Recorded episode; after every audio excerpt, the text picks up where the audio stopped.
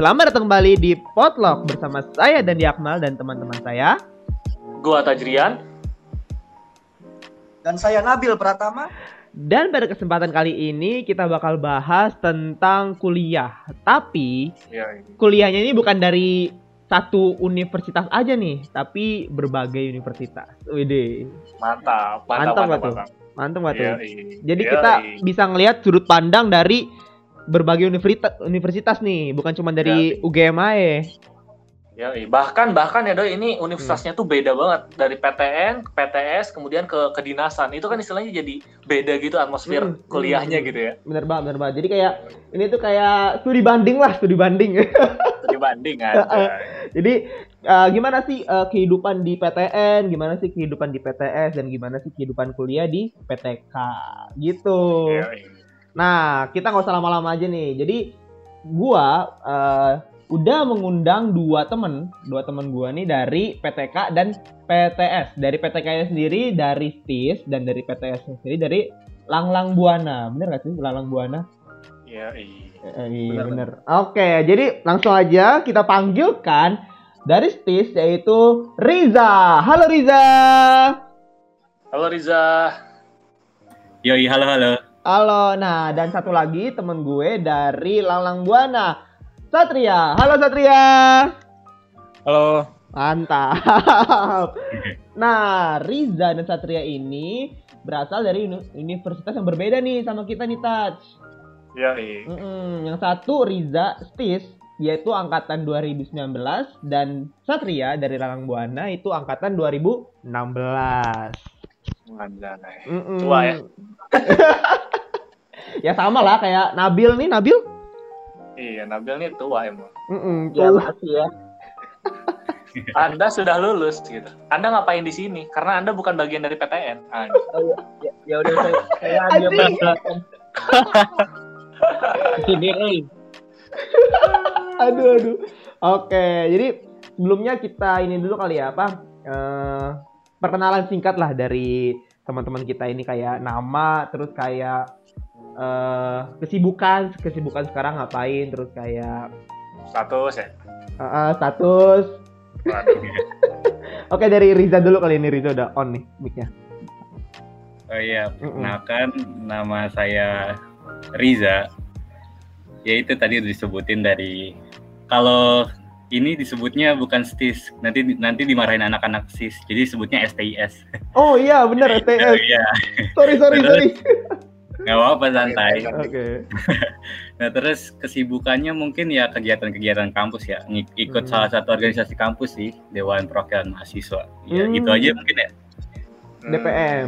DPM. Iya ya. DPR. Nah status status. Masih jomblo kak. aduh. Curiga gue dan ini. Aduh, aduh. Oke, oke. Nah, sekarang dari Satria nih. Ya, Assalamualaikum. Salam. Cuma ada apa? Izin memperkenalkan diri mungkin ya. Baik, baik. Nama saya Satria Wijaya.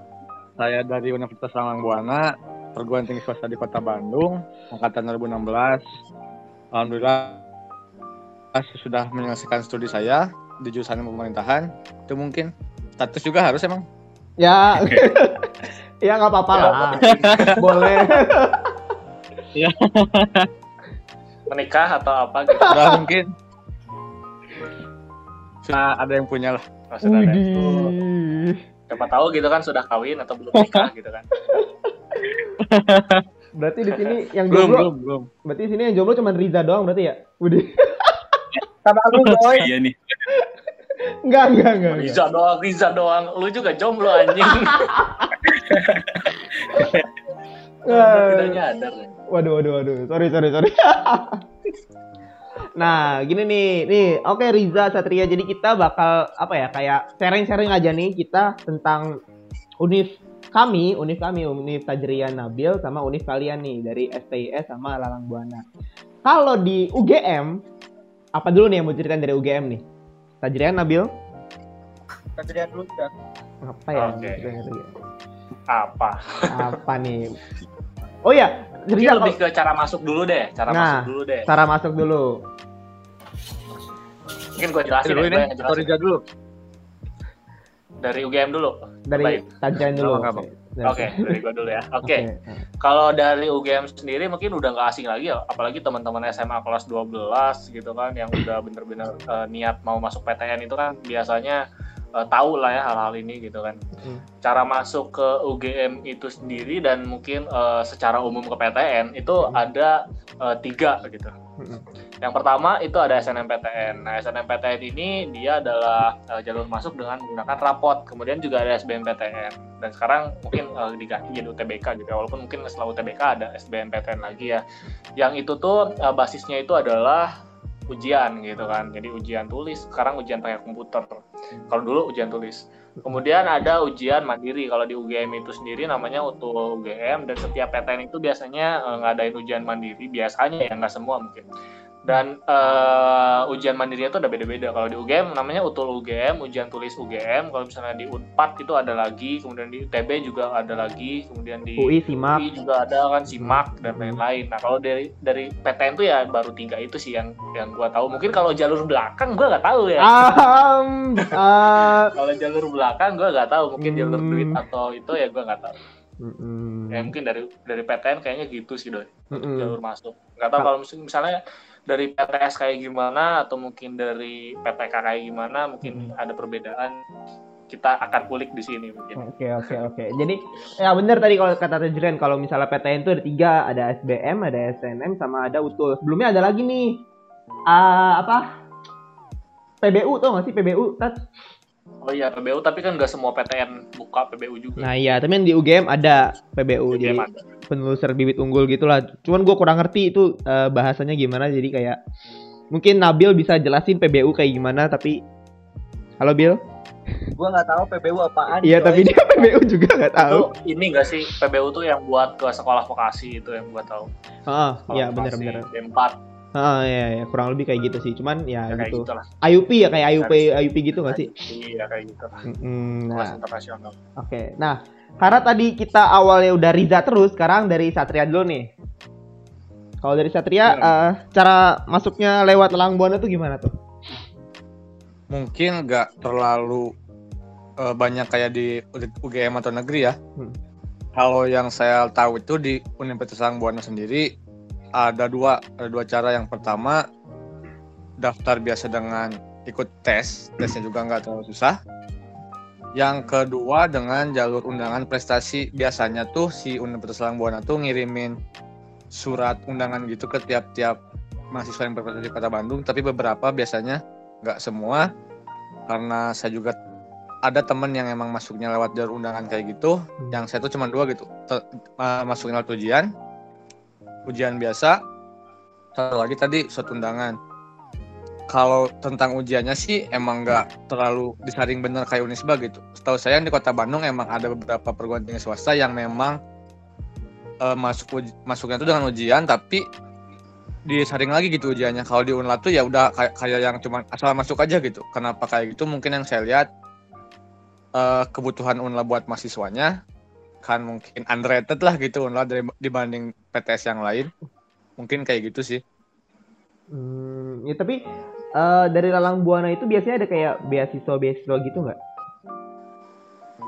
Eh kalau buat masuknya tuh tadi yang tadi jalur undangan itu udah udah termasuk beasiswa beberapa Hmm, persen sih nggak 100% dari awal satu semester sampai delap- eh, 8 semester enggak cuman Hmm. beberapa persen yang saya tahu gitu Oke oke oke siap siap siap. Nah kalau oke kalau dari Riza nih dari PTK sendiri gimana tuh cara masuknya? Dari PTK ya. Eh, mungkin kalau dari PTK tuh kayak ada dua jalur gitu sih. Jalur ikatan dinas sama tugas belajar namanya. Nah, yang biasa dimasukin eh di uji di seleksi yang ikut di seleksi yang lulusan-lulusan SMA itu ikatan dinasnya yang mana ada empat tahap. Dan baru tahun ini diubah jadi tiga tahap. Tadinya empat tahap tuh ada tahap matematika tahap SKD atau yang lebih dikenal CPNS ya. Tes Hmm. CPNS tes- tes psikotes sama tes kesehatan dan kebugaran. Nah setiap tahap itu tahap gugur ya. Jadi misalnya tahap satu nggak lolos nggak bisa lanjut tahap dua dan seterusnya. Tapi untuk tahun ini karena mungkin di situasi kayak gini jadi ada pengurangan tes yaitu nggak ada tes psikotes yang tadinya tes tahap satunya tes matematika sekarang diubah jadi tes tahap satunya tes SKD dulu atau tes CPNS dulu Hmm. baru tes matematika sama tes kesehatan kebugaran gitu sih kalau dari Hmm. STIS Oh iya iya. iya. Itu eh, kalau misalnya sistem gugur gitu berarti eh, biasanya itu persentasenya itu tahu nggak persentase buat gugur atau gitunya gimana? presentasinya ya Mm-mm. Eh, kalau kalau tahun ini kurang tahu ya maksudnya lu Hmm. kata kalau kemarin kalau tahun yang pas 2019 pas baru saya masuk itu dari sekitar 18.000 diseleksi jadi 2.000 Hmm. 2000 di 2200-an terus diseleksi jadi 1500 Hmm. terus diseleksi jadi sekitar 800 baru diambil 600 mahasiswa gitu sih. Hmm, Jadi satu angkatan tuh ada 600. Ya, satu angkatan 600 eh, ada tiga itu ya. Tiga Oh. program studi. Oke oke. Jadi eh, nggak nggak terlalu banyak berarti ya di PTK di STIF sendiri. Iya sih, nggak terlalu banyak. Oke. Angkatan. Oke. Nah, BTW nih, BTW kalau misalnya nggak terlalu banyak berarti satu kelas itu bisa berapa tuh kira-kira? Satu kelas juga 35 sampai 36 orang sih Itu satu kelas. tetap apa ganti-ganti? Eh, tetap kelasnya tetap tapi kayak kita ya jadi di kelas itu kayak ada jadwal sekolah gitu kayak jadwal pas sekolah lah kayak hari Senin matkul up matkul satu terus hari Selasanya matkul dua ya gitu jadi kita kita yang pindah-pindah kelas gitu Oke, tadi eh, ya hampir sama berarti ya sama kayak Iya. PTN PTN. oh ya kira-kira sama Eh, tapi itu jadwal sekolah tuh maksudnya dari jam 7 gitu. Eh, kalau di STS tuh dibagi eh, empat sesi ya jadi sesi saat jadi setiap harinya tuh dibagi empat sesi jadi Hmm. sesi satu tuh dari jam 7.30 sampai jam 10 Eh, Sesi 2 dari 10.15 sampai 12.45, eh. sesi 3 13.30 sampai 16.00, sesi 4-nya 16.15 sampai eh, jam 7 apa. Ya itu. Jadi nah terus ya ya terus di- tapi nggak nggak jadi bisa aja saat kelas ini cuman hari Seninnya sesi satu doang. Hari Selasanya sesi dua doang gitu. Jadi diatur per jadwal karena kelasnya juga ganti-gantian kan. Oke. Juga kelas di STS juga nggak banyak ruangannya. Hehehe. Jadi tergantung sesi ya berarti kalau gitu. Ya. Oke oke mantap. Nah, ayo Bill, gimana Bill? Apa Mungkin ya? gue masuk dulu deh. Gue gue Iya. masuk dulu deh. Mungkin tajiran dulu deh. Ah. Gue pengen ini deh. Ini gue pengen kayak mematahkan eh, persepsi orang aja. Oke, Gini gimana tuh? Mungkin mungkin orang-orang itu kayak eh, mikir. Gue nggak tahu ya apakah ini benar atau enggak. Makanya kita eh, mencoba menjawab di podcast kali ini gitu. ya. Oke. Banyak orang-orang mikir bahwa PTN ini murah, murah, murah, murah, murah. Makanya banyak orang yang mau ke PTN. Ada yang mikir PTS ini mahal, mahal, mahal. Makanya banyak orang yang mau ke PTN dan nggak mau ke PTS gara-gara mahal gitu. Banyak orang kayak gitu. Terus juga katanya juga di PTK ini bener-bener apa nggak bayar sama sekali gitu dan dan nggak bahkan kita dibayar gitu. Bahkan gue pernah dengar kalau di stan itu jadi kayak kita kalau masuk ke stan itu ya kita nggak bayar apa pun malah kita yang dibayar gitu. Nah gue pengen pengen tahu sih apakah itu benar gitu. Nah sekarang eh, kondisi apa ya kondisi ya kita mungkin boleh nggak kalau misalnya kita buka-bukaan maksudnya buka-bukaan soal pendanaan gitu. Kalau Riza sama Satria kira-kira keberatan nggak mengenai hal itu? Aman, aman. kuliah. Aman, aman, aman. ya. nggak Oke. apa-apa sih soalnya emang udah terbuka buat umum juga Oke, biar oke. terbuka juga ya, biar Hmm. biar teman-teman yang mendengarkan itu tahu gitu, maksudnya apakah persepsi itu benar atau enggak gitu. Nah, kalau Hmm. misalnya dari UGM sendiri ya, kan UGM itu ya memang dibagi-bagi sesuai Hmm. UKT kan, uang kuliah tunggal dan memang rata-rata UKT-nya itu ya kalau misalnya kita ambil apa namanya ambil tengahnya itu kan UKT itu ya gua dapat dari UGM satu semester 9 juta gitu. Terus dari si Dandi, Dandi satu semester berapa lo Doy? 95. Sembilan setengah ya? Mm-mm. Sembilan setengah dan dan memang rata-rata kalau kita ambil rata-rata yang saintek itu kan kadang-kadang sembilan 9 iya benar. 9 8 9. gitu. Heeh. ya ya kalau misalnya yang bidik misi ya itu beda lagi lah ya. Mm-mm. nah kalau misalnya dari di PTS sendiri nih dari di PTS sendiri kuliah yang paling mahal itu berapa dan yang paling murah itu berapa yang setahu Satria kira-kira Oke, mungkin eh, nyoba jawab ya. Kalau tadi dari Tajrian satu semester 9 juta, itu bisa ngebayar di PT saya di kampus saya bisa sampai tiga semester. Tuh kan. Di saya Iya, tuh Hmm. satu semester tuh tiga setengah karena emang unla tuh di- bisa dibilang Hmm. eh, masih menengah ke bawah lah gitu kampusnya. Kalau setahu saya yang mahal tuh ada di mana ta Unpar, Telkom, Hmm. Unisba itu bisa sampai hampir sama 9778 juta belum ada uang bangunannya gitu. Hmm. Hmm. Kalau di UGM itu ada nggak sih uang bangunannya gitu? Nggak, nggak ada. nggak ada. Nggak ada bangunan. Jadi itu. Nah, itu kalau setahu saya di tiap PTS itu ada uang bangunannya. Kalau nggak salah ya nyentuh 10 20-an gitu. Hmm. Jadi Kalau di Unla sendiri sih uang bangunannya masih sedikit gitu, 2 juta. Cuman di PTS yang lain di Kota Bandung yang memang bisa dibilang high class gitu ya, Hmm. itu bisa 10 20-an. Gede, Iya, iya, iya. gede gitu gitu. Lumayan kan anjing tuh kita 9 juta bisa ngebiayain 3 semester kan ternyata ada juga gitu maksudnya PTS itu kan ada juga yang murah gitu maksudnya Mm-mm. nggak nggak semua PTS itu mahal gitu kan bener sehingga persepsi bener ini bisa dipatahkan dong. Mm-mm, Iya bener banget. bener PTS ini banget. mahal enggak gitu kan Tapi balik lagi, Makanya- balik lagi. Uh, Nah. Bisa dipatahin sama saya. Kenapa? Mungkin persepsinya tuh kayak gini. Uangnya mahal tuh dengan kualitas gitu. Bener gak sih? Mm, Iya iya iya. Pasti ada kualitas gitu. Mm-mm. Mungkin di Unla kualitasnya segini, tapi di kampus yang memang SPP atau biaya uang uang, uang kuliah tunggalnya tuh segini, pasti Hmm. kualitasnya juga lebih jauh dibanding Unla gitu. Entah itu bangunannya, entah itu pengajarnya, entah di dalamnya ada apa aja, itu pasti beda-beda gitu. ya ya berarti kan maksudnya istilahnya eh, apa namanya persepsi bahwa semua PTS kan di sini dalam tanda kutip semua gitu ya semua PTS yang berjulukan PTS itu mahal berarti kan salah gitu kan. Istilahnya kan itu tergantung tergantung PTS-nya dulu apa gitu kan sehingga di sini kita bisa menyesuaikan bahwa sebenarnya nggak semua PTS lo itu mahal gitu. Sehingga jadi kayak ada yang mahal ada yang mahal banget. Kayak sampai 200 juta 300 juta. Kayak misalnya PTS yang kedokteran dan lain-lain itu kan ya Hmm. sama sebenarnya. Di PTN juga sama kalau kedokteran gitu ya. Tapi ya ada yang berjuta ju- beratus-ratus juta yang di PTS tapi ada juga ternyata yang istilahnya eh, nggak terlalu mahal gitu untuk untuk membiayai kuliah gitu. Karena memang kalau gue jujur ya kalau di di daerah gue di daerah gue istilahnya masih pedalaman gitu kan Hmm. dan itu tuh orang-orang itu kalau misalnya ada nih tetangganya yang kuliah di PTS itu pasti persepsi orang-orang di situ tuh ya entah PTS-nya itu kayak gimana ya kita nggak ngomong PTS-nya kayak gimana kalau misalnya udah di PTS itu jadi kayak itu mahal itu orang kaya gitu loh jadi Hmm, kayak iya, seolah-olah. PTS ini bayarnya mahal kayak gitu Mm-mm, Dan- iya, iya. ya banyak rumor-rumor kayak gitu sih kayak gitu berarti sebenarnya enggak juga gitu dan ada juga yang eh, istilahnya eh, terjangkau gitu kan si si biayanya nah kalau di PTK sendiri apakah benar di bukannya kita yang bayar malah dibayar gitu gimana Za? Eh, sebenarnya kalau gratis sih emang ya, maksudnya eh, ditanggung lah biaya pendidikannya sampai 4 tahun. Tapi s- mungkin semenjak angkatan saya ya, itu eh, kan namanya TID, uang saku. Itu udah dihapusin.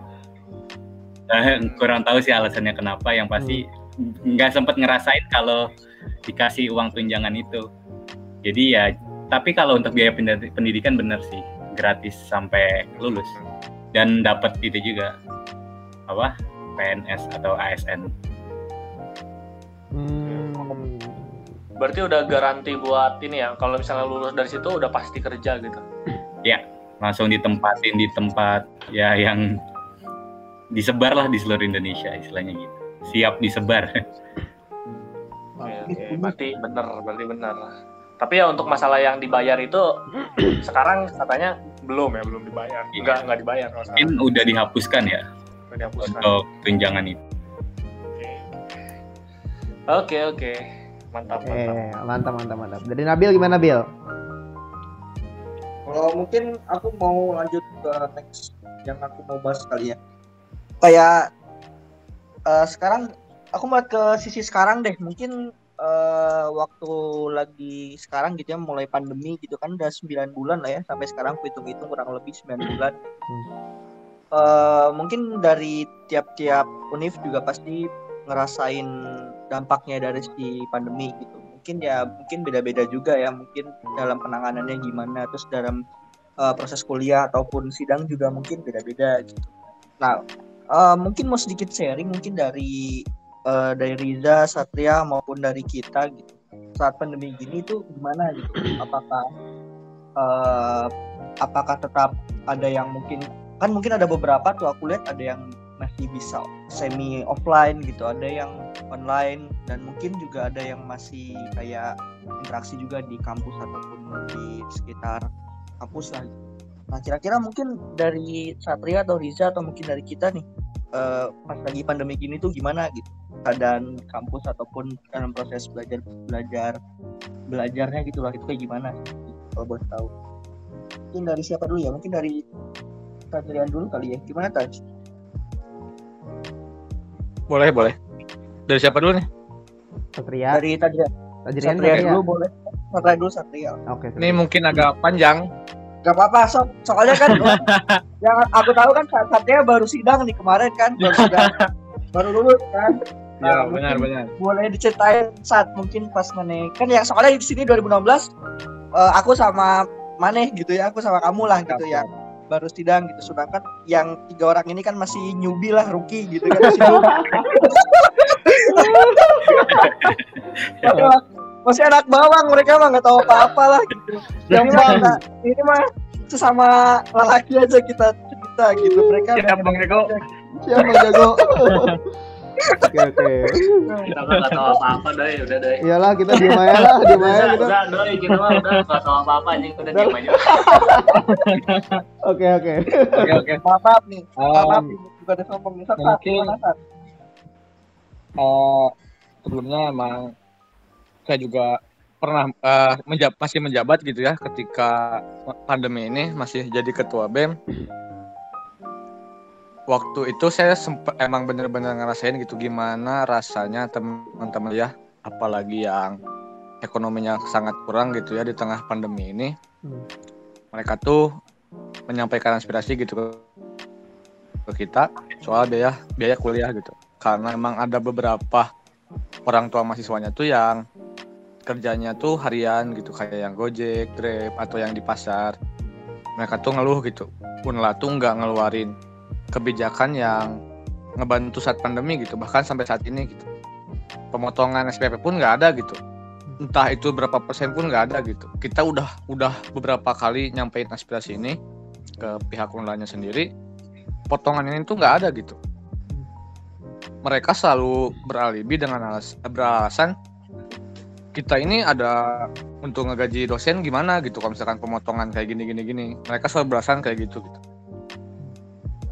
Eh, karena itu juga menurut saya berat gitu kalau misalkan kita di tengah pandemi ini harus 100% biaya, eh, besar eh, bayar SPP-nya 100% gitu.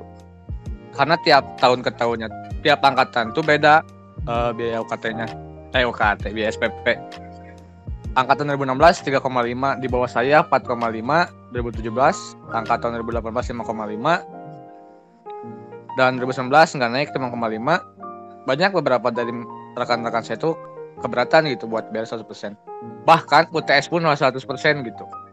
Ah, yang kita lihat di kampus lain PTS lain gitu. Mereka bisa 50% dulu gitu. Ya setidaknya kenapa Unla nggak bisa kayak gitu gitu? Karena bisa meringankan 50% dulu gitu tetap Unla nggak ngeluarin, nggak ngeluarin kebijakan buat motong SPP. Bahkan eh, saat kampus lain ada subsidi pulsa atau kuota dengan gitu gede gitu ya, saya lihat di Telkom sampai 100 ribu. Atau kampus-kampus lain kita cuma 25 ribu gitu. Dengan SPP 100% tapi kita subsidi cuma 25 ribu gitu. Pulsa lagi. Saya sangat menyayangkan gitu kenapa pihak dari online sendiri nggak bisa membuka matanya lebar-lebar gitu mereka sadar gitu bahwa ba- banyak mahasiswa yang masuk online itu yang emang ekonominya kurang gitu. Tapi nggak mau membuka matanya buat mereka gitu. Makanya saya bilang dari awal karena emang si online ini mungkin butuh mahasiswa tadi saya bilang di awal juga makanya mereka nggak terlalu ngejaring mahasiswanya dengan serinci itu gitu. Apalagi kita belum pernah ngerasain gitu pandemi kayak gini ya. Mungkin eh, baru-baru gitu tahun ini. Saya sangat menyayangkan gitu. Cuman nggak tahu tah di kampus lain gimana subsidi tentang pemotongan SPP pasti kan rame juga gitu. Saya lihat juga di sosial media di Instagram. UGM pernah nggak sih nuntut buat pemotongan UKT gitu? Pernah dong. karena emang Undip kalau nggak salah pernah viral ya? UGM juga pernah viral gak sih hashtagnya? Kalau Undip itu viral, viral, viral di Twitter. Nah. Heeh, Undip, Undip. Ya kita tuh emang susah gitu kalau mah lah Unla mah nggak ada apa-apanya gitu di Bandung mah masih belum bisa segede itulah gitu itu mungkin dari Unla masih gitu dulu aja Oke, oke, oke. Mantap, mantap, mantap. Kalau dari Riza sendiri gimana nih Riza? Dari PTK. dari STIS sih eh, alhamdulillah lumayan support mahasiswanya ya Eh, masih walaupun tadi gratis biaya pendidikannya. Nah untuk fasilitasnya juga dikasih 30 sampai 50 gigabyte lah setiap mahasiswanya.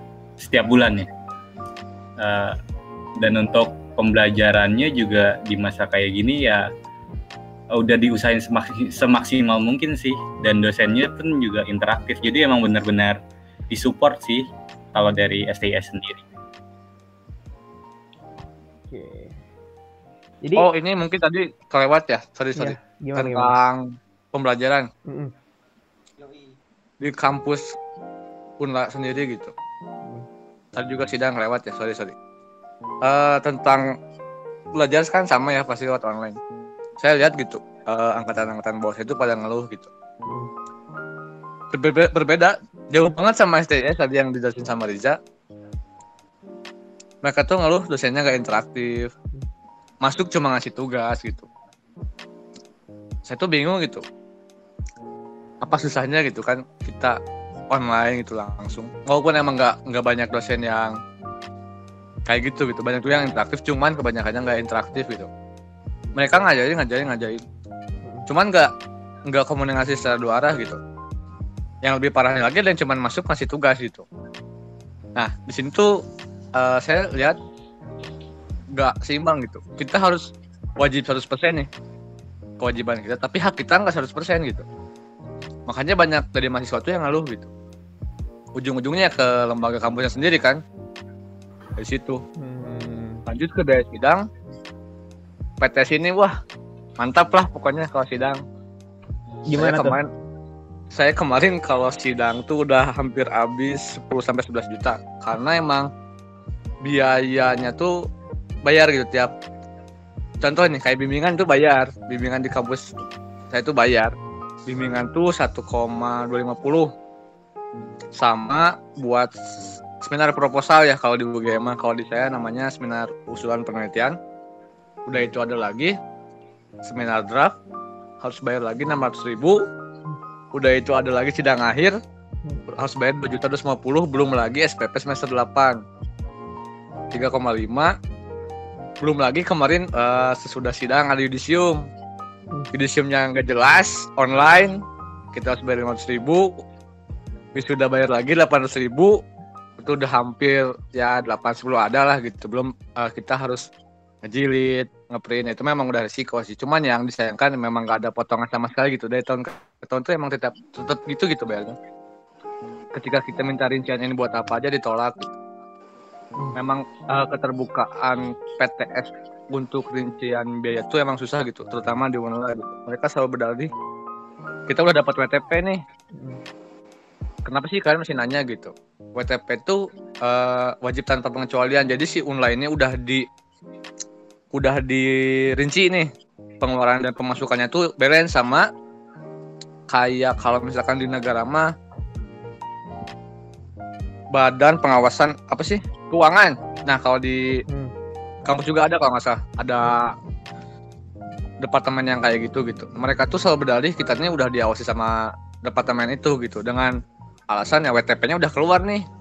Masa kalian nggak percaya gitu? Sekelas departemen aja udah ngeluarin surat kayak gitu gitu. Masa masih sendiri aja nggak bisa nggak bisa percaya sih gitu. Oke. Jadi ya Oke oke oke itu dari eh, swasta sendiri ya dari PTS sendiri.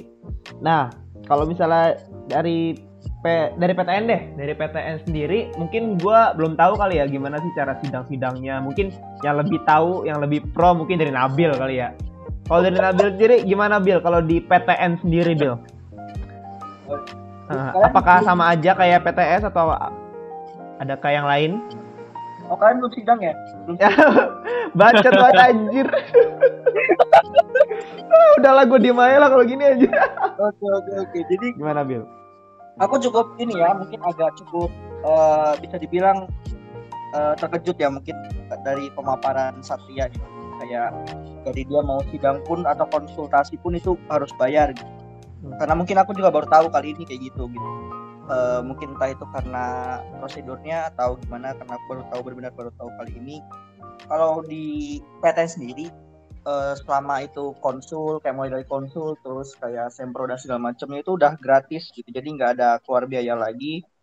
Jadi kayak tinggal kita mau milih dosennya siapa pembimbingnya siapa itu gimana kita kita bisa milih.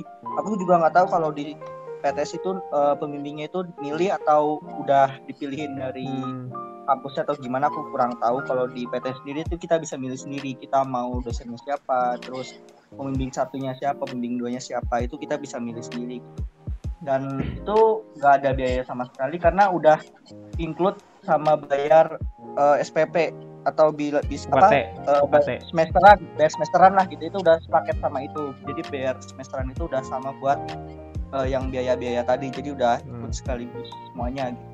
Kayak gitu sih. Cuman terus juga kayak eh, kayak misalkan juga kayak paling juga eh, kayak yang enggak yang nggak ngeluarin biaya sih. Cuman kayak kayak misalkan minjem toga dan segala macam ya itu harus kayak kita bikin surat dulu gitu. Bikin surat dulu baru kita kasih ke akademik ntar akademik baru ngeproses buat apa ngasih toga dan segala macamnya gitu.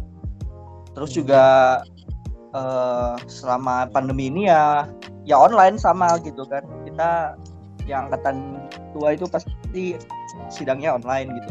Karena lagi pandemi juga ya mungkin kayak agak menyebalkan ya ketika kita udah kuliah 4 tahun lah gitu ya.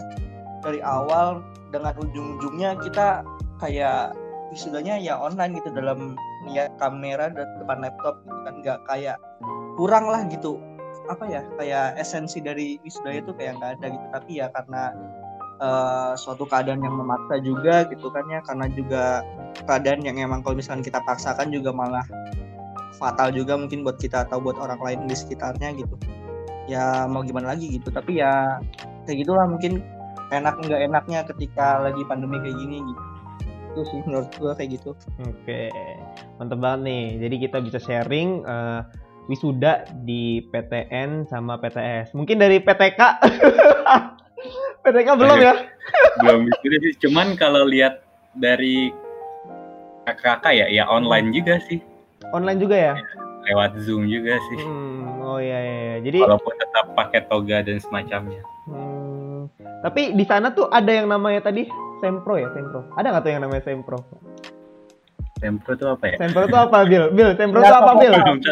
Seminar- seminar- seminar Enggak, proposal Contohnya, contohnya, maksudnya tuh apa ya? Jadi seminar proposal itu jadi kayak mulai dari bab 1 sampai bab 2 skripsi. Jadi kalau misalkan bab 1 bab 2 nya udah beres itu biasanya dipresentasiin, jadi seminarin gitu. Nah, iya, gitu. oh kurang tahu sih tapi kalau ngelihat dari kakak-kakak tingkat Hmm. yaitu bimbingannya tuh intens banget sih sama dosen PA-nya jadi kayak benar-benar bimbingan terus tapi ke- kurang tahu kalau ada sampel tapi pernah denger sih kayaknya ada sih Ada ya? cuman kurang merhatiin Hmm, juga. iya, iya, iya, iya. Ya juga pasti pakai sih eh, dari PTK mungkin mungkin ya mungkin ada ya. tapi bukan sempro mungkin namanya mungkin eh, penambahan bab 1 bab 2 atau gitu nggak ngerti lah gua oke tapi Mm-mm, Iya begitu. Nah, kalau misalnya dari gua, gua pengen eh, sharing-sharing juga nih. Kalau di UGM sendiri, UGM sendiri itu sebenarnya kalau pakai apa ya? Pakai pakaian itu sebenarnya bebas. Tergantung sih, tergantung fakultas. Kalau misalnya dari fakultas gua itu nggak boleh pakai kaos, nggak boleh pakai kaos, nggak boleh pakai sendal, sama eh, celananya tuh celana panjang. Cuman tuh fakultas gua. Cuman kalau di fakultas tajrian gua nggak tahu apakah itu berlaku apa enggak. Kalau di Nabil juga nggak tahu. Cuman uh, overall rata-rata itu biasanya itu pakaiannya itu bebas. Pakainya itu bebas. Jadi kayak nggak ada ketentuannya. Cuman kalau di PTK sendiri STS sendiri itu pakaiannya itu uh, bebas atau ada kayak seragamnya gitu. Setiap hari Senin, Selasa, Rabu, Kamis. Gimana tuh kalau di PTK sendiri STS? Kalau di PTK mungkin tahu ya eh, pakai seragam sih. Ada yang namanya PDA. Jadi PDA. pakai pakaian dinas akademik. Hmm. Jadi setiap Senin, Selasa, Kamis, Jumat pakainya itu PDA. Jadi pakai seragam yang sama dan dengan atribut yang lengkap juga walaupun di Zoom gini ya. Oh. Tapi khusus hari Rabu itu pakai batik sih. Hmm. Ya gitu kalau dari STIS ya mungkin kalau orang tahu kalau PTK yang. Tapi ada baju buat bebas gitu nggak kayak apa hoodie eh hoodie kayak polo atau kemeja biasa gitu ada nggak harinya gitu? Nggak ada sih. Oh nggak ada. Bahkan kalau offline aja baju yang kita masuk kampus tuh Hmm. harus pakai itu pakaian dinas akademik. Jadi emang seragamnya itu aja sama mungkin disediain pakaian dinas olahraga ya. Nah itu Oh. khusus pas UKM aja atau kegiatan-kegiatan di luar kampus lah, tapi di luar jam kuliah, jam perkuliahan. Jadi kalau ada kalau olahraga gitu ada bajunya juga, ada seragamnya juga. Ya, jadi ada dua seragam lah, saya cuma cuma ada dua seragam di STI. Walah, ya baju PDA sama Ya. seragam olahraga. Ya, Terus Gitu. sisanya itu batik lah ya. Ya hari Rabu doang, khusus hari Rabu tuh pakai batik semua. Baru Ah. sih, baru dicanangin juga itu Oh. peraturannya, Baru baru. bukan dari. Nah, semester kemarin ya. Baru semester kemarin. Iya, Oke Pakai oke. Nah gitu. Nah jadi eh, terdapat perbedaan ya antara PTN, PTS dan PTK dari sisi eh, bajunya. Mungkin kalau dari PTS sendiri mungkin sama kali ya bajunya. eh, nggak ada kayak PDA, nggak ada kayak seragam buat hari Senin, Selasa, Rabu. Ya kan ya saat nggak ada baju-baju. sama gitu. sama cuman yang beda sih ada eh, karena di Unla kan ada ada tiga kepolisian nih Mm-mm.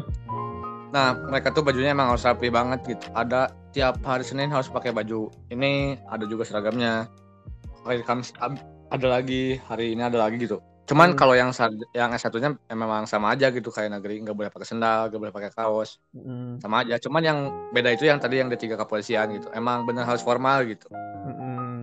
Jadi kayak ada PDA-nya sendiri, kayak ada baju formalnya gitu ya, seragam formal. ya sama kayak STIS Mm-mm. STIS STIS, STIS. sorry sorry sorry sorry santai.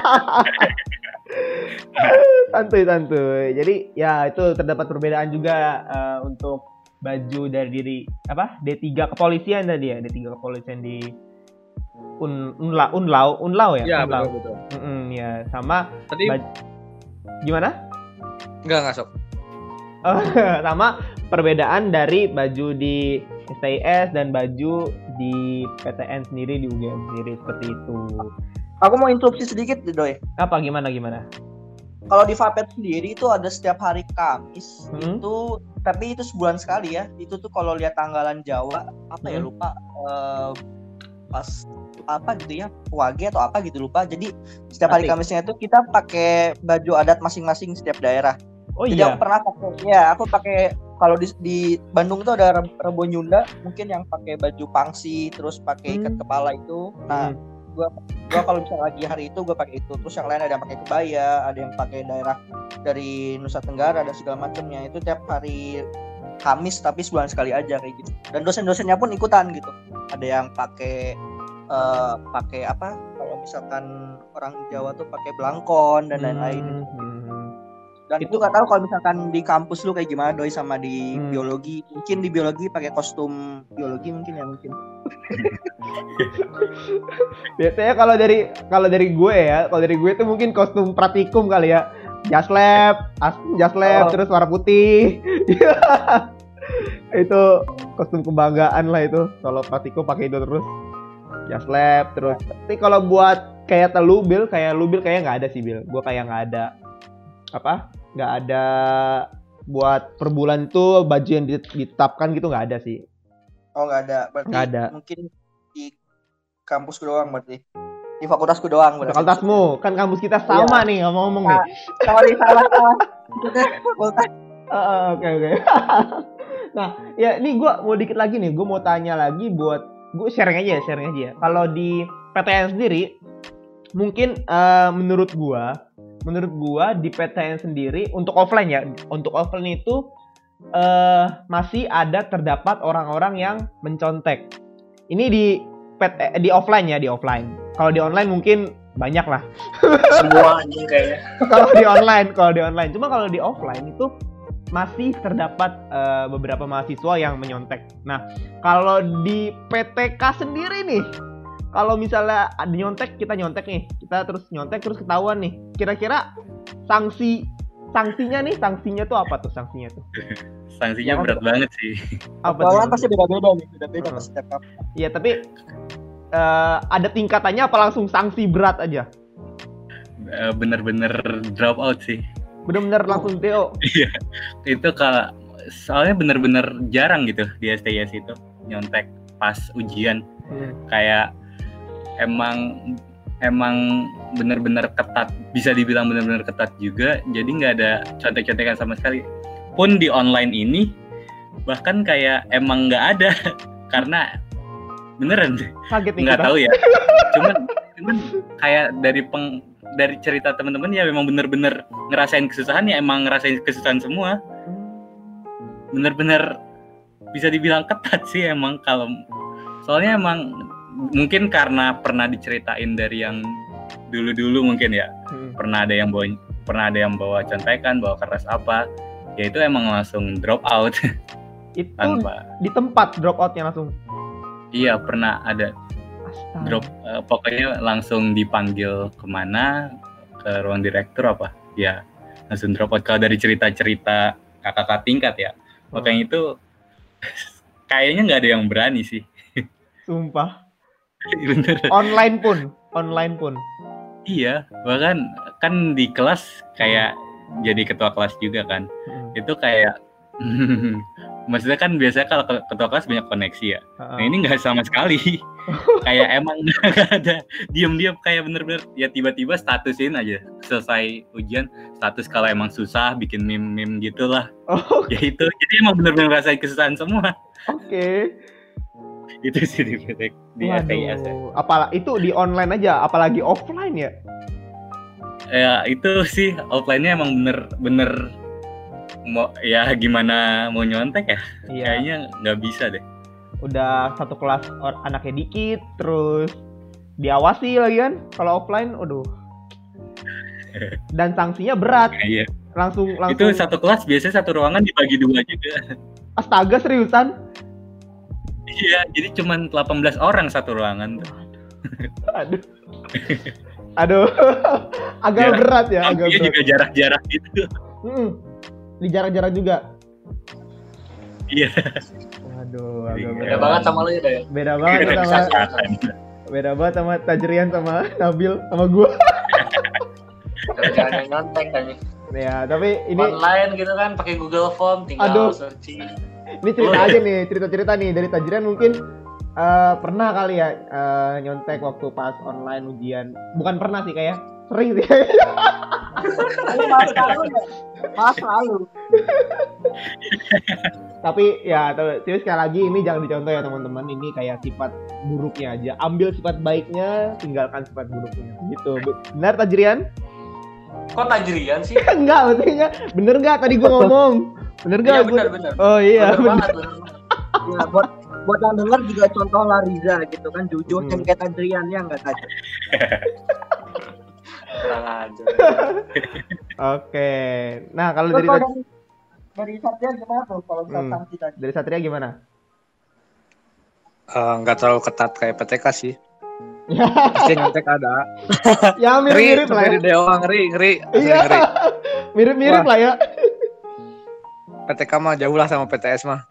Kita mah masih ada gitu yang nyontek mah cuman emang sanksinya beda-beda gitu. Gimana kebijakan si dosen eh bukan pengut eh, ini dosen yang ngasih wa- UTS atau wasnya gitu. Mm-mm.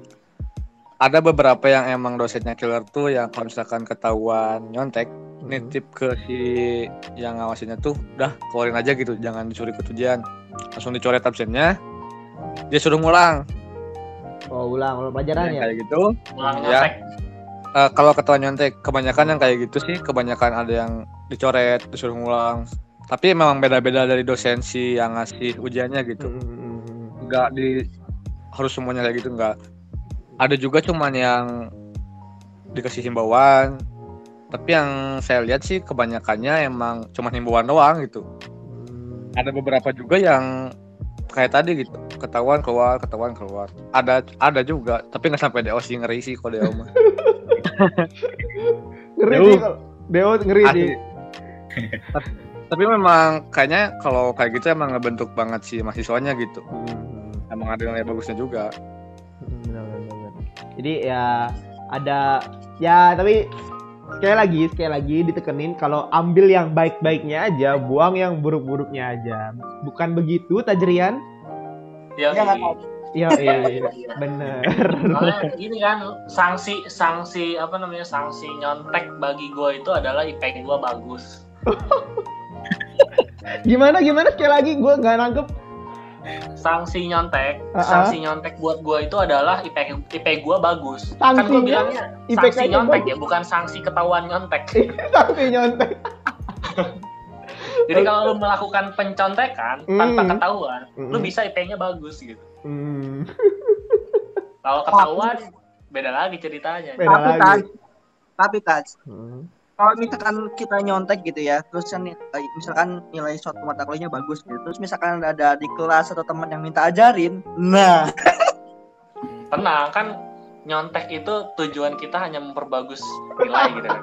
Bukan tidak mendapatkan ilmu pada saat kelas. Uh, oke ilmu tetap dapat Oh, tapi kepastian kepastian jawabannya keren, pun dapat keren. kan jadi kita dapat dua loh gini gini kita Hmm. dapat dua kadang Hmm. kalau misalnya kita UTS UAS hmm. ini gue kayak seolah-olah gue yang nyontek bang tapi ini ini menurut menurut perspektif gue gue pernah nyontek gue pernah nyontek gitu. dan Iya. menurut gue ya tapi nggak nggak sering juga bang jadi Ngaku jadi menurut gitu gue ya? ketika misalnya lu nyontek Ya, tanpa ketahuan ya ya kita tahu nyontek itu buruk dan lain-lain gue ingin Iya. melihat dari sisi positifnya Ya, oke, oke. ketika oke. kita nyontek Hmm. tanpa ketahuan Hmm. Dan ketika kita di kelas kan misalnya tujuan kita kuliah adalah mencari ilmu Hmm. oke kita di kelas kita mencari ilmu kita dapat ilmunya dan lain-lain Hmm. kemudian kita uas nih atau UTS atau ujian Hmm. uas dah nah ujian itu faktor untuk mendapatkan nilai bagus itu itu banyak banget ketika misalnya lu sakit nih pas ujian Hmm. dan lain-lain itu pasti eh, itu mempengaruhi nilai lu. Nah kalau misalnya lu bisa nyontek, lu bisa mendapatkan kepastian jawaban. Oke. Jadi ketika lu lu udah dapat udah dapat nih ilmunya, udah dapat ilmunya, kemudian lu misalnya lagi enak badan, lagi Hmm. pikiran pusing ke mana-mana, ah nyontek ah, kan udah ada kepastian jawaban bener gitu. Hmm. Kemudian nyontek, IP bagus, nilai dapat. Jadi nggak berarti ketika kita nyontek kita nggak dapat ilmu. Anjay, gue ingin Apa mematahkan pendapat Nabil tadi. anjay. Itu. Jadi belum tentu belum tentu kita nyontek. Kita nggak Hmm. dapat ilmu apa-apa di kelas. Hmm. Gitu. Bisa Tapi aja. emang kebanyakan orang-orang yang nyontek itu orang yang nggak belajar sih. Nah, iya. Tapi nggak semua. Contohnya, Anjay. contohnya, contohnya. Ya itu anjing kalau misalnya Enggak. ada seorang mahasiswa Orang-orang yang nggak belajar, contohnya kayak siapa gitu kan? orang yang nggak belajar Ya, ya banyak lah ya. Salah satunya tadi yang ya ya ngomong. gua nggak- masa gua ngomongin masa gua ngomongin lu sih doi gitu kan maksudnya ya udah gitu loh ya udah gitu jangan jangan dirahasiakan eh jangan jangan dirahasiakan ya kita rahasiakan gitu loh Nabil Hmm. suka nyontek Dani nggak suka belajar dan lain-lain ya itu Buset. itu seharusnya seharusnya kita rahasiakan karena itu adalah aib teman kita ini Waduh, bercanda ini tapi- bercanda. Iya, bener banget. Jadi bener banget tuh kata Tajrian tuh. Eh, bener nggak ya, Ya. tadi? Nggak tahu dah, gue nggak tahu bener apa kagak. Cuman, cuman ya bener juga sih. Ada bener juga kalau misalnya mungkin lebih ke klarifikasi kali ya, Taj. Kayak ah ragu-ragu nih gue jawabannya. Ragu-ragu nih gue jawabannya. iya iya kepastian jawaban Ah, kepastian jawaban. Mungkin lebih ke gitu kali ya. Cuman balik lagi, balik lagi kalau ambil yang baik-baiknya, buang yang buruk-buruknya. Kalau Bukan misalnya begitu? kita ngelihat dari nilai kejujuran itu kan ya nyontek itu tidak jujur. Ya, gitu benar kan. banget. Itu menyalahi kode etis dan lain-lain. Dan di banget. PTK itu yang di- dididik menurut Ya. gua yang kejujuran. Karena ketika misalnya dia udah menjadi eh, pegawai negeri dan lain-lain kan yang di apa yang namanya yang dikedepankan itu harusnya harusnya itu sikap kejujuran. Makanya kalau misalnya menurut gua ya itu menurut gua ya eh, makanya kalau di PTK itu misalnya dia nyontek ketahuan nyontek kan itu istilahnya ada ada ketidakjujuran di sana dan itu langsung di drop up dan itu menurut gua adalah suatu hal yang wajar gitu Hmm, kayak gitu sih Tapi nih kalau nyinggung sedikit ya, hmm. kan tadi kan eh, kan itu kan eh, yang PTK itu orang-orang yang mungkin dididiknya untuk dia jadi orang yang jujur gitu. Tapi ketika ini ini ini kayak apa ya? Mungkin eh, lebih dari pemikiranku aja gitu. Tapi kalau misalkan dia udah keluar, udah lulus gitu terus dia kerja di suatu tempat yang sesuai bidangnya gitu. Tapi misalkan contoh ada yang korupsi gitu ya mungkin atau ngebohong itu gimana tuh? Apakah dia emang ternyata di- didikan itu kurang apa gimana tuh? Siapa yang jawab? Gua. Ya boleh Riza boleh gitu. Kan ini cuma menurut pandangan kalian aja gimana gitu. Itu tergantung orangnya bil. Karena gini kalau misalnya orangnya udah takut misalnya orang udah takut nih di PTK udah tahu kalau misalnya lu lu lu nggak jujur itu lo bakal do ya pasti takut lah ini sama kayak misalnya sekarang misalnya korupsi. Apa yang anda takuti gitu selain Tuhan? Tuhan nggak kelihatan gitu kan? Hmm. misalnya lu nggak takut Tuhan nih. Lu korupsi ya nggak apa-apa karena nggak ada yang tahu gitu ketika misalnya eh, ketahuan ya ya kita tahu sanksinya apa gitu.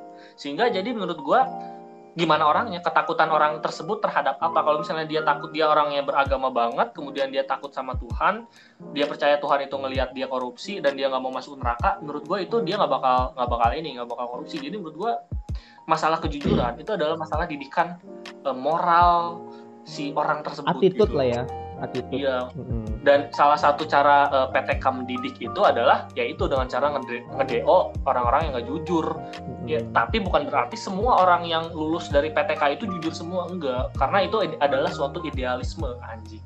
Anjing. Keren gue nggak? Keren nggak? Anjing. Anjing, anjing, sih. anjing, anjing. Dengerin apa gue tadi anjing. Ini mungkin boleh masuk gak? boleh, boleh, boleh boleh. Boleh boleh boleh Eh, kalau kalian pernah ngedengerin quotes dari Lord Acton kayak gini nih. Kalau menurut saya sih emang bener kayak gini. Power tends to corrupt, absolute power corrupt absolutely. Bener gak? tuh bener nggak tadi Bener gak, Taj?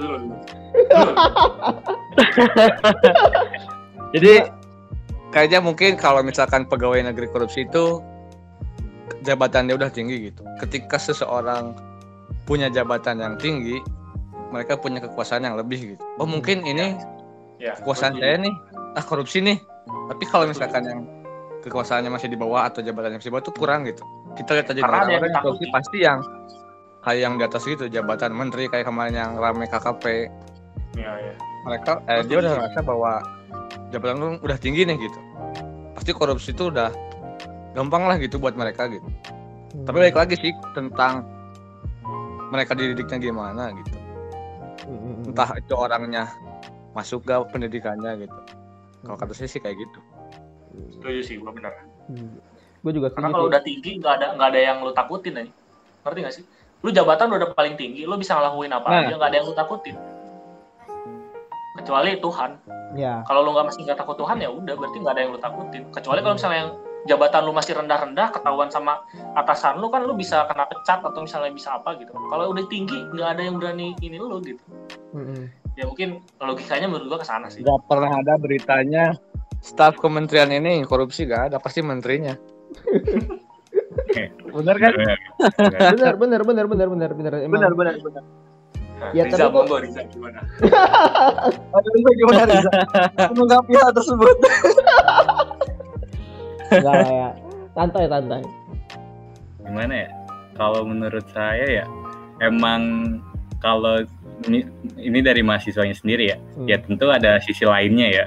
Cuman eh, misal tadi kan kayak maksudnya di saat di kampus ya mereka mene- menerapi peraturannya itu dengan baik.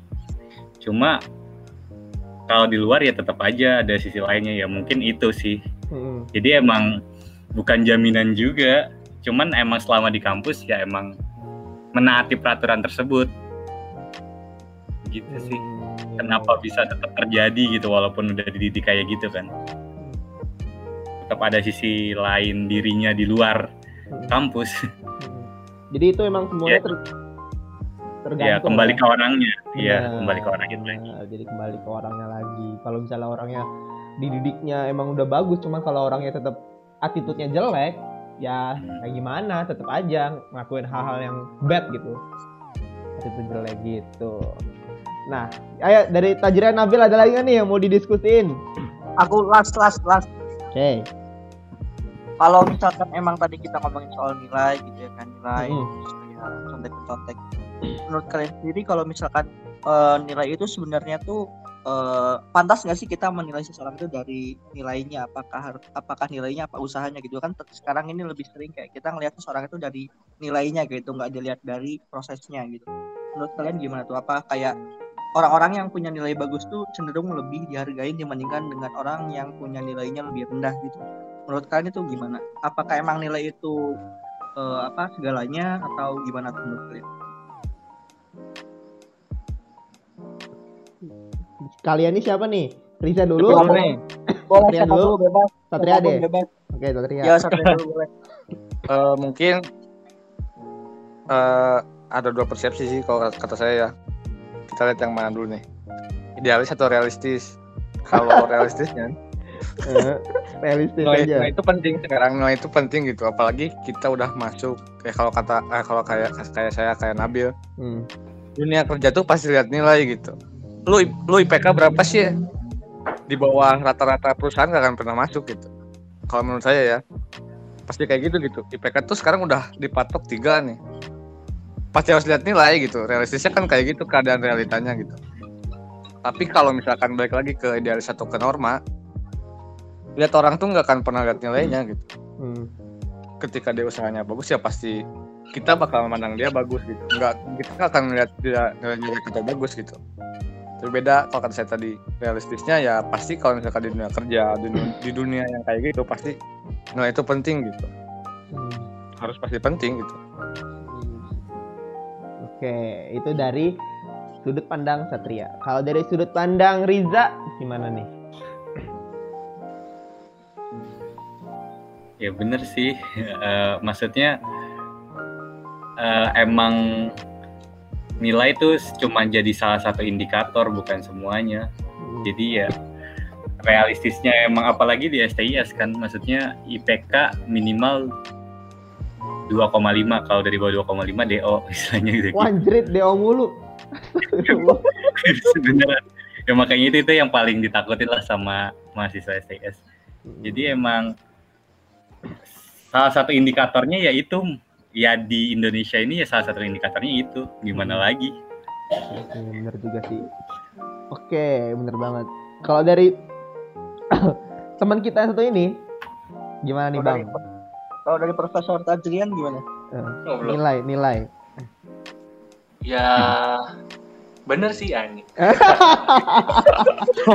ya emang kan gini cu, kalau misalnya kita kan nilai itu ya suatu apa ya namanya suatu capaian ya Hmm. di mana capaian itu kan bisa di, di- apa dicapai dengan cara ber- berbagai macam cara gitu kan Hmm. misalnya nilai bisa aja kita capai nilai tersebut dengan cara nyontek dan lain-lain kayak gitu kan Mm-mm. kan si ilmunya nggak dapat gitu. sehingga kan ataupun kita orang juga- dalam ataupun orang dalam ya bisa banyak kalau berbagai cara untuk mendapatkan nilai bagus gitu Hmm.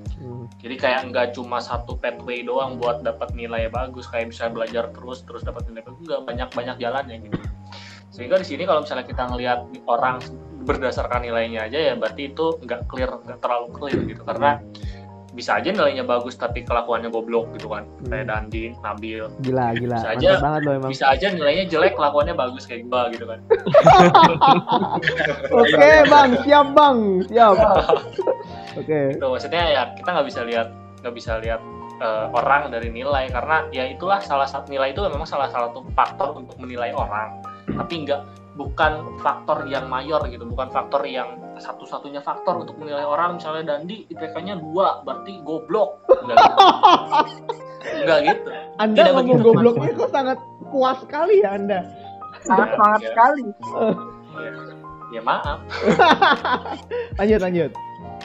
Jadi kayak gitu. Sama kayak misalnya nih kayak kita nih ngejustifikasi orang-orang yang misalnya nggak kuliah orang-orang nggak kuliah goblok. Enggak cu enggak. Cu banyak orang yang kuliah itu goblok kayak Dandi Nabil. Nah, Oke. contohnya contohnya contohnya. Gue nggak bilang lu Nabil lagi. gue nggak bilang gue nggak bilang Dandi contohnya goblok. kan Ini contohnya kan? contohnya, contohnya walaupun iya iya mungkin realitanya benar tapi ya contohnya. Hmm. oke?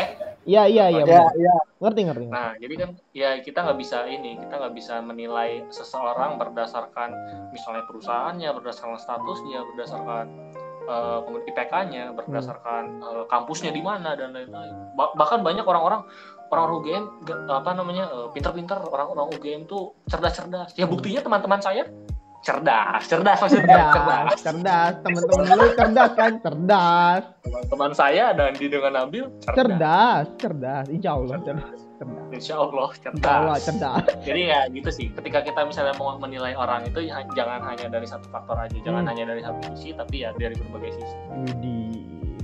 Mantap, mantap, mantap, mantap dari Tajrian. Oke, cuman iya sih, eh, gua nggak bisa nggak bisa dipungkiri kalau misalnya nilai itu termasuk apa ya? Menurut gua tuh nilai itu termasuk hal yang eh, penting, menurut cukup penting. Cuman nggak semua hal bisa dinilai dari nilai hard file-nya, hard skill-nya. Bisa dilihat juga dari soft skill-nya. Cuman kalau misalnya mau dilihat dari apa ya? eh, dari misalnya perusahaan-perusahaan itu eh, yang dilihat itu biasanya itu adalah hard skill dulu baru soft skill dulu. Jadi nggak bisa dipungkiri kalau misalnya nilai itu atau IPK itu juga termasuk hal yang cukup penting bagi gua Ya. menurut gua. Itu Ya.